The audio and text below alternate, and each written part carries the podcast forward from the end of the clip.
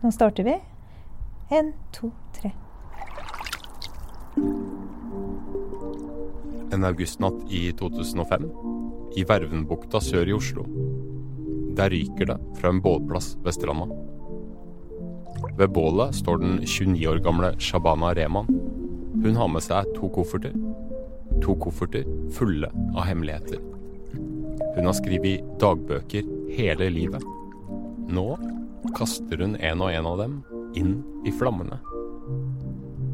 Fra barneskolen var puserbøkene til hele ungdomsskolen, alle forelskelsene, første kysset. Flyttingen på ungdomshjem, overgrepene. Første reaksjonene, mobbingen, trakasseringen. Det å vokse seg fram til å bli en offentlig stemme. Alt var skrevet ned. Usensurert. Jeg skrev til meg selv. Men nå skal hun brenne opp alt dette. De innerste tankene. Om alt fra kjæresteforhold og moteklær til mobbing, misbruk og angst.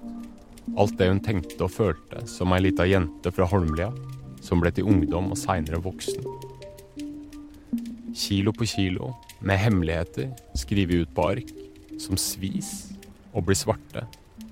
De slukes av flammer, og de faller til bakken som aske. På denne tida er Shabana en av Norges største komikere. Mange digger henne, men noen har også lagt av for hat. Og der hun står i Vervenbukta, føler hun seg trua på livet. Shabana skal snart rømme landet, men vil ikke legge igjen spor. Hun er redd for at noen skal lese hennes innerste tanker. I bålet brenner teksten opp. Men nå, 17 år seinere, er hun klar for å fortelle hele historien til deg.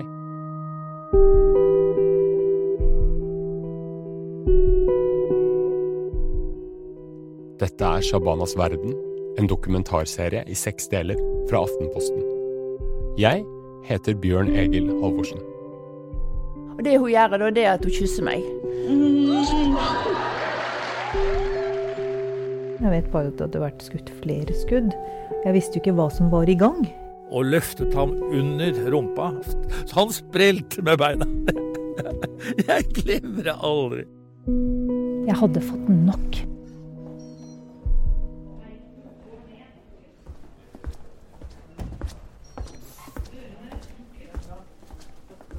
Det er en fredag i slutten av mai i 2022. Jeg er på Ahus i Lørenskog utafor Oslo. Jeg skal møte Shabana Rehman her, men jeg er ganske usikker på hva som møter meg. Shabana er plutselig aktuell igjen, som hun har vært så mange ganger før. Nå som kreftsjuk. Så lenge jeg kan huske, har Shabana vært et navn som har kommet og gått. Du husker sikkert Mullaløftet. Jeg også. Og så var det det rumpestuntet den gangen. Og en hel haug med kronikker og kontroverser og kjeft. Jeg hadde ikke oversikten, men så, en måned tidligere, så møtte jeg henne til et intervju for Aftenposten. Hovedtemaet var kreftsykdommen. Men etter hvert som praten gikk, begynte jeg å skjønne hvorfor folk sa at hun var en pioner, en som hadde gått foran, og en som hadde flytta grenser. Og da ble jeg mer og mer nysgjerrig på henne. Vi holdt kontakten, og nå, plutselig, er hun visst klar. Nå vil hun fortelle alt. Spørsmålet er hvor mye hun rekker. Hun er dødssyk, og i dag på akutten fordi hun er dehydrert.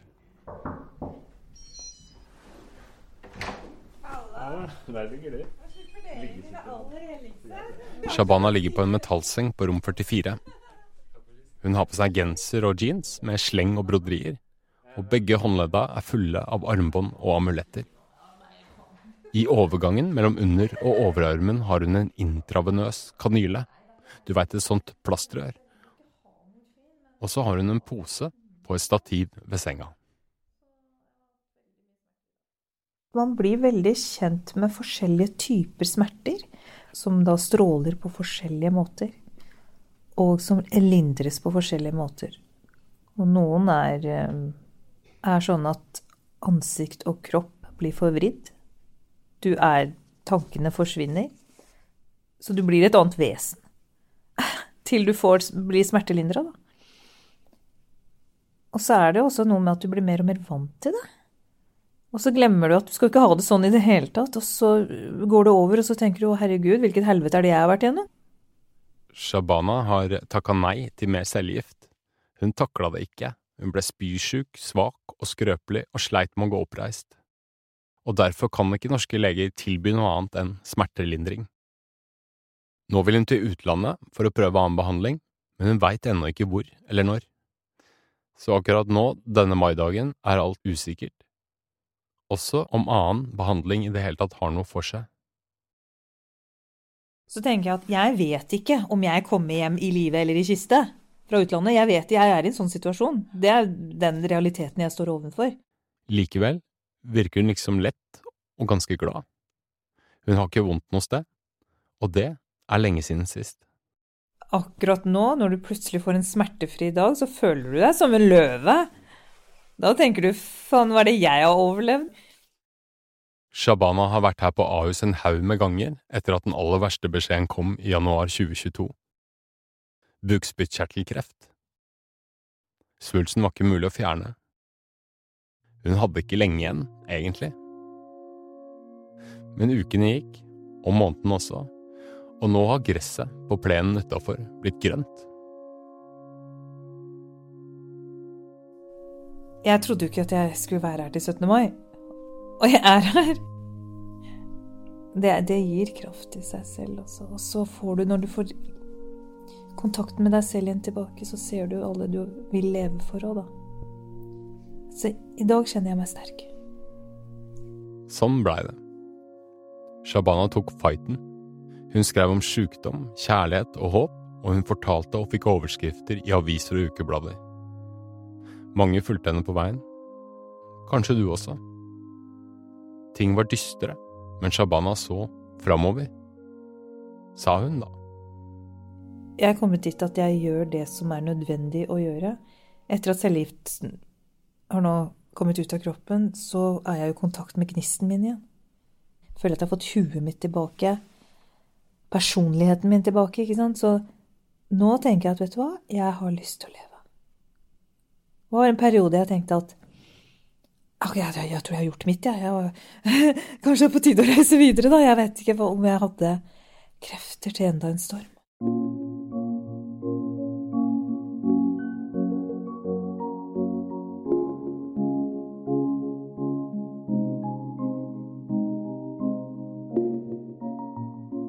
Det er 25 år siden Shabana Rehman dundra inn i offentligheten.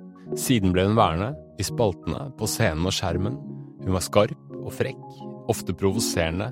Mange skjønte ikke hvordan de skulle tolke alle stunta og påfunna hennes. For noen ble hun oppfatta som en trussel, en som måtte ties ned. Og derfor er ikke dette bare en historie om en kreftsjuk kjendis. Det er en fortelling om hvordan en norsk-pakistansk jente fra Holmlia fikk hele Norge til å lytte når hun snakka. En fortelling om å kvele hets og hat med humor. Å ta tak og vri rundt der det gjør aller mest vondt. Hvor kommer all denne kampvilja egentlig fra? Hvor kom Shabana Rehman fra? Så da Er det ganske mye å prate om?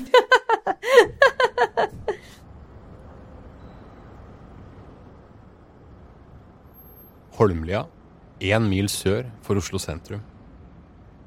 Her ligger et område med klynger av lavblokker og røde rekkehus, omgitt av skog og med utsikt til fjorden.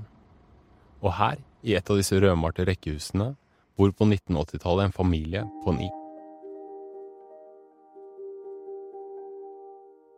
Mamma, pappa, Shabana og seks søsken. I stua står TV-en på, og på kjøkkenet står mamma og lager middag. Det lukter sånn sødmefullt av løken som hun steker. Steker løk i ghee.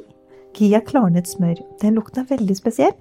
Og så putter hun kummin og rød chili og koriander og fennikel og alt sånt, som da gir fra seg sine aromaer. Og mens mamma baker chapati, pakistanske lefser, sitter en haug med unger foran TV-skjermen. Og vi har sånn VHS-videospiller. Eh, og ser på Bollywood-film. Det er gjennom der jeg egentlig lærte språket og kulturen. Eh, det er det jeg ser inne på, i stua vårt på Holmlia. Og vi var jo såpass mange at det ble jo egentlig et lite kinopublikum. Jeg tror filmene ble på en måte en slags tilfluktssted. Uh, ute var det uh, litt sånn fremmed, ikke sant. Holmlia holdt på å endre seg på 80-tallet. Mange av dem var kjempekule, ikke sant. Det var, bare ønska folk velkommen og mangfoldet velkommen, liksom.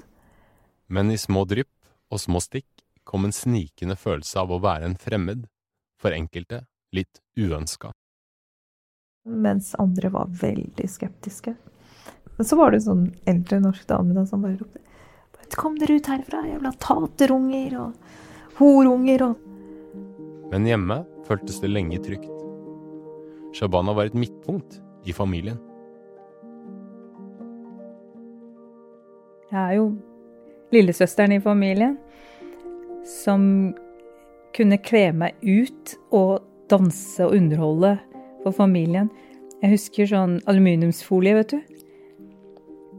Eh, jeg klippet ut og lagde kjole og krone og smykker av aluminiumsfolie. Og stilte opp. Jeg må ha vært fem-seks år gammel. Og opptrådde for familien. Eh, og alltid være glad, alltid være optimistisk. Shabanas lille verden var Holmlia, med åpne verandadører, med barnelatter, med lukta av gurkemeie og hvitløk som blanda seg med osen fra naboens grillpølser. Og bortafor der igjen lå skogen. Hun lekte og gikk turer der, ofte aleine. Kanskje var det en lengsel etter å føle seg fri. Eller utforske noe der ute. Eller bare være. Episode jeg hadde glemt, hvor jeg gikk meg litt vill i skogen. Og jeg kom til en liten lysning. Og der satte jeg meg ned, og, og, så så jeg meg rundt, og så endret fargene seg. Det ble litt mer sånn fluoraktig grønt. Ja, ja, det var veldig rart, men jeg, den, det, dette minnet kom opp. Og jeg følte meg så trygg og beskyttet, og kanskje en fantasiverden, da, i, i skogen. Hjemme i rekkehuset var det ingen norske bøker å fantasere seg inn i. Den eneste boka de hadde, var Koranen, som var pent innbundet i ferskenfarga silke. Moren var troende og analfabet. Hun hadde syv barn å stelle for, ofte aleine. Pappa jobba mye. Foreldra gikk i vestlige klær, som skinnjakke og jeans, kjole og bluse, og skilte seg på en måte litt ut fra en del andre norsk-pakistanske familier. Men de mente likevel at det var viktig at Shabana holdt på røttene sine og de var særlig opptatt av språket.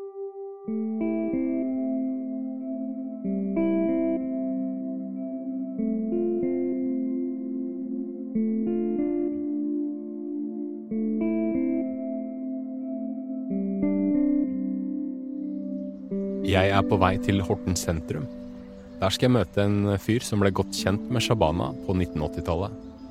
Og i en svær park i byen så sitter han. En høy, skjeggete fyr som overdøver måkeskriket med stemmen sin. Eh, vi sitter en, i en paviljong. Sahid Ali. Eh, like i nærheten av Horten torg. Du har kanskje sett ham på scenen eller TV som komiker, men egentlig har han holdt på med vitsing hele livet. Helt siden han gikk på Nordstrand barneskole som liten gutt. I klassen møtte han Shabana, en litt annerledes jente. Hun hadde kort hår jeg husker spesielt eh, sånn turkis genser, hvor du nesten kunne se navlen. Litt sånn eh, Madonna på 80-tallet-aktig. Genseren litt for kort, og så olabukse med masse sånn blått og hvitt en sånn virvelvind-levende eh, olabukser. Og høye sokker, tennissokker og joggesko. Så nesten som sånn breakdance-outfit fra 80-tallet. Og pannebånd og sånn type ting. Så hun følte moten som alle andre, men litt mer utfordrende kledd enn de andre jentene. Og også måten hun beveget seg på, måten hun gikk på, var ikke så veldig feminint. Man tenkte ikke jente eller gutt når man snakka med henne, egentlig. Hun var øh, noe midt imellom. Og denne guttejenta var ikke fra nabolaget, men fra Holmlia, fire kilometer unna. Hun tok 79-bussen til og fra Nordstrand hver dag, for der hadde de et opplegg med morsmålsundervisning og en egen urdu-gruppe. Urdu var språket familien Rehman snakka hjemme.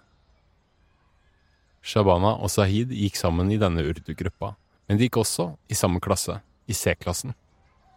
De fant hverandre kjapt og blei venner. Ikke nødvendigvis fordi hun var eh, pakistansk, men hun hadde en eh, litt sånn breial holdning. Litt sånn småmacho holdning og veldig uredd. Mens han var av den sjenerte typen. Men hun var en veldig sosial eh, person helt fra starten av, ganske hemningsløs. Men jeg vet at hun hadde mye greier hjemme med den kulturen, selvfølgelig, som hun var fra. Og så var det jo eh, religion og hva man får lov til og hva man ikke får lov til. Og, og det å ikke kunne spise svinekjøtt f.eks. var jo en kjempestor greie. Jeg og Shabana var invitert på mange bursdager eh, hvor vi aldri har følt oss mer annerledes enn på de bursdagene, selv om vi blir invitert. Fordi vi sier tidlig fra at vi, vi kan ikke spise svinekjøtt. Og det foreldrene gjør da, er å i skjul gi oss en lompe med ketsjup og sennep som de ruller sammen til en sånn sigar. Sånn. Nå er det ingen som kommer til å legge merke til at dere ikke spiser pølser. Så de var ulike, men like likevel. De lo av de samme tinga. Siden jeg var liten, så langt tilbake jeg kan huske, så har jeg alltid vært veldig opptatt av humor og å få folk til å le. Og det var min greie på barneskolen også, og det tror jeg var det sikkert derfor eh, Shaban og jeg ble gode venner. Fordi jeg satt hjemme og skrev uh, sånne stunts uh, som man skulle gjøre i klasserommet. Det var, liksom, var en stor greie for meg å få folk til å le. Så hvis jeg vippa med stolen og falt bakover, så hadde jeg planlagt det på forhånd hjemme, og så hadde jeg gjetta meg til uh, hva læreren kommer til å si, og så hadde jeg planlagt et svar, og så regner jeg med at eh, Christian eller Wilhelm eller en eller annen i klassen kommer til å si det, for det sier han hver gang, og da har jeg et veldig bra svar tilbake. Så sånn holdt jeg på i fem-seks ledd, og så var det litt sånn konkurranse for meg sjøl å se hvor lange replikkene mine funka i forhold til det jeg hadde gjetta meg til. Det bare ga meg veldig tilfredsstillelse å få folk til å le og, å møte morsomme mennesker. Og så, Derfor så var Shabana var jo en av mine første publikummere fra barneskolen, som lo av stort sett alt jeg holdt på med. Og da likte jeg å være mye sammen med henne og teste ut ting for henne. Og hun hadde også sine greier og stunts og prosjekter som hun testa ut for meg. De visste det ikke da, men seinere i livet skulle veiene deres krysses flere ganger. Og akkurat det skulle bli avgjørende for særlig en av dem. På skolen framsto Shabana som en uredd, livlig og nesten breial jente men åssen funka denne frilynte innstillinga til livet hjemme på Holmlia? Shakil, Shakil Rehman. Shabanas storebror husker en snill pappa.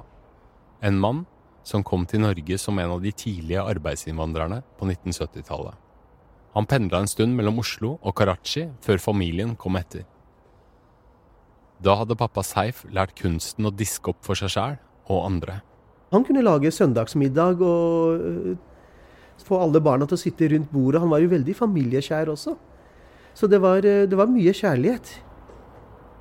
Og med lyden av Oslo i bakgrunnen beskriver Shakil farens strie hverdag. Helt fra dagene de fløy inn til et fremmed land og gamle Fornebu flyplass. I Pakistan så hadde han ikke tilgang til jobb. Han måtte reise ut. Og i Norge så fikk han mulighet til å ha jobber, opptil to og tre jobber. Så Eh, han ville jobbe mest mulig for å tjene penger, for nå hadde han mulighet. Så han var veldig mye på jobb.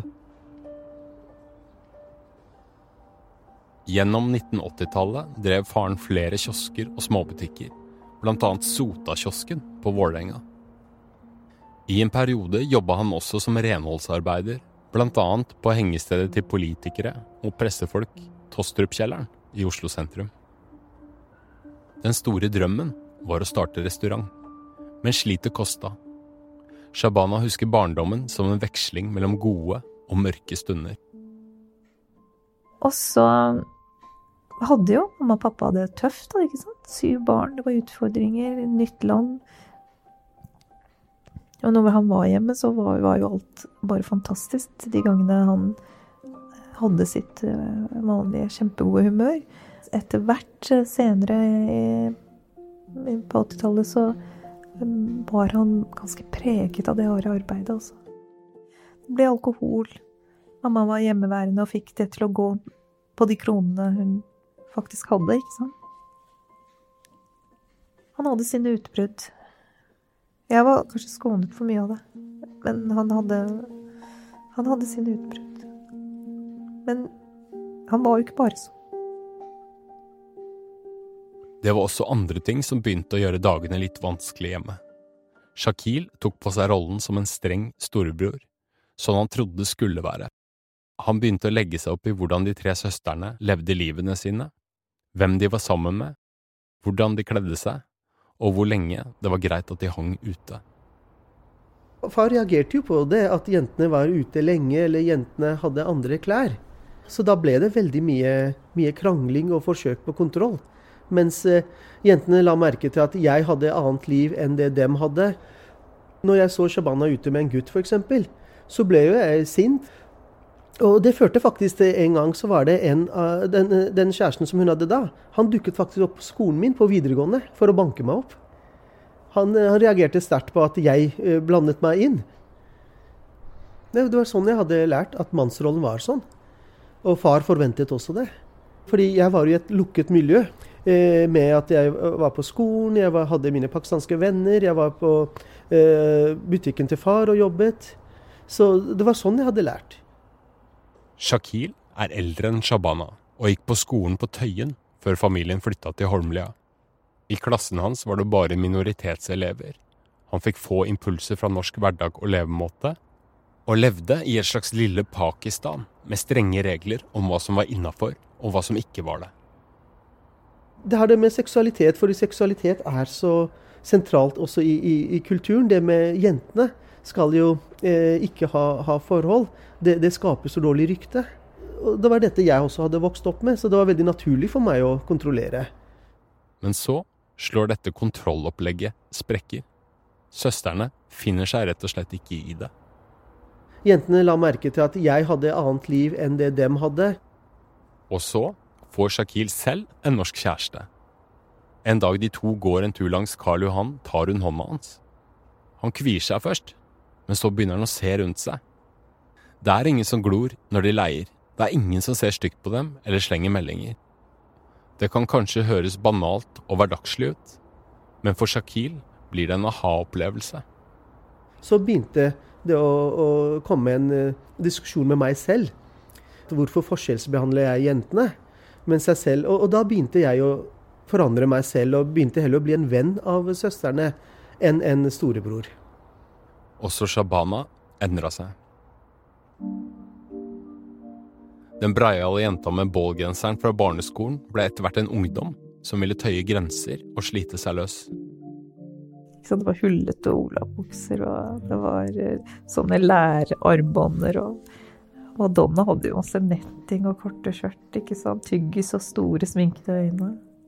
Og fikk sine første erfaringer med hva det koster å være en annen enn det som blir forventa av deg første gangen som virkelig gjorde vondt, da. Det var når jeg,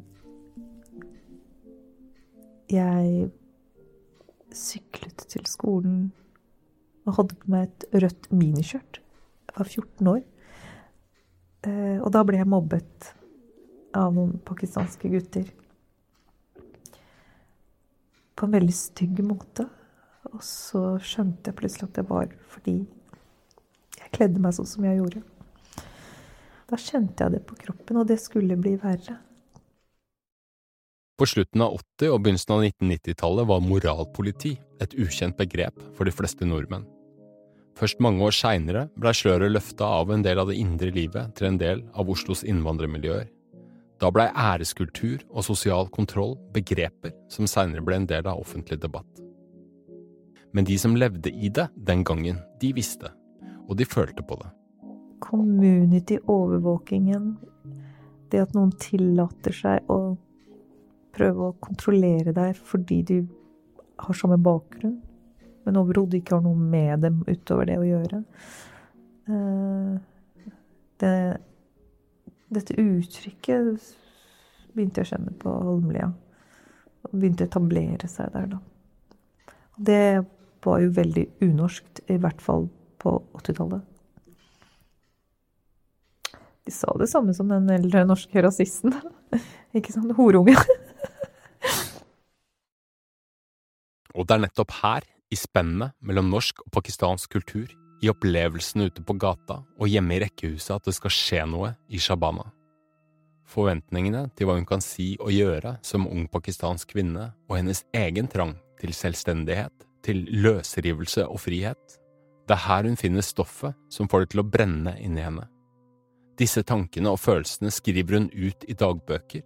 Hun skriver så mye og så intenst at hun får blemmer i henda.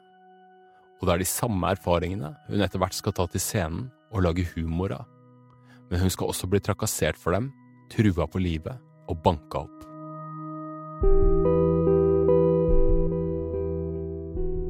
Hvis du var ung minoritetskvinne og gikk ute sent, så kunne du bli stoppet opp og spurt hva gjør du ute så sent, hvor er foreldrene dine? Ja, avhørt, nærmest. Det var jo vold i flere familier, og også hos oss kunne far bli kjempesint. Og så bare lå jeg der. Så bare dro han. De neste episodene av Shabanas verden publiseres eksklusivt for abonnenter i Podme og Aftenposten-appen. Episode to ligger allerede klar der. Jeg heter Bjørn Egil Halvorsen. Produsent er Kjetil Bjørgan, som også har gjort alle opptakene, laga musikken og lyddesignet. Supplerende klipp og produksjon av Fride Nesten Onsdag. Reportasjeleder og sjef for lydavdelingen i Aftenposten er Caroline Fossland, og redaktør er Lillian Vambheim. Ansvarlig redaktør i Aftenposten er Trine Eilertsen.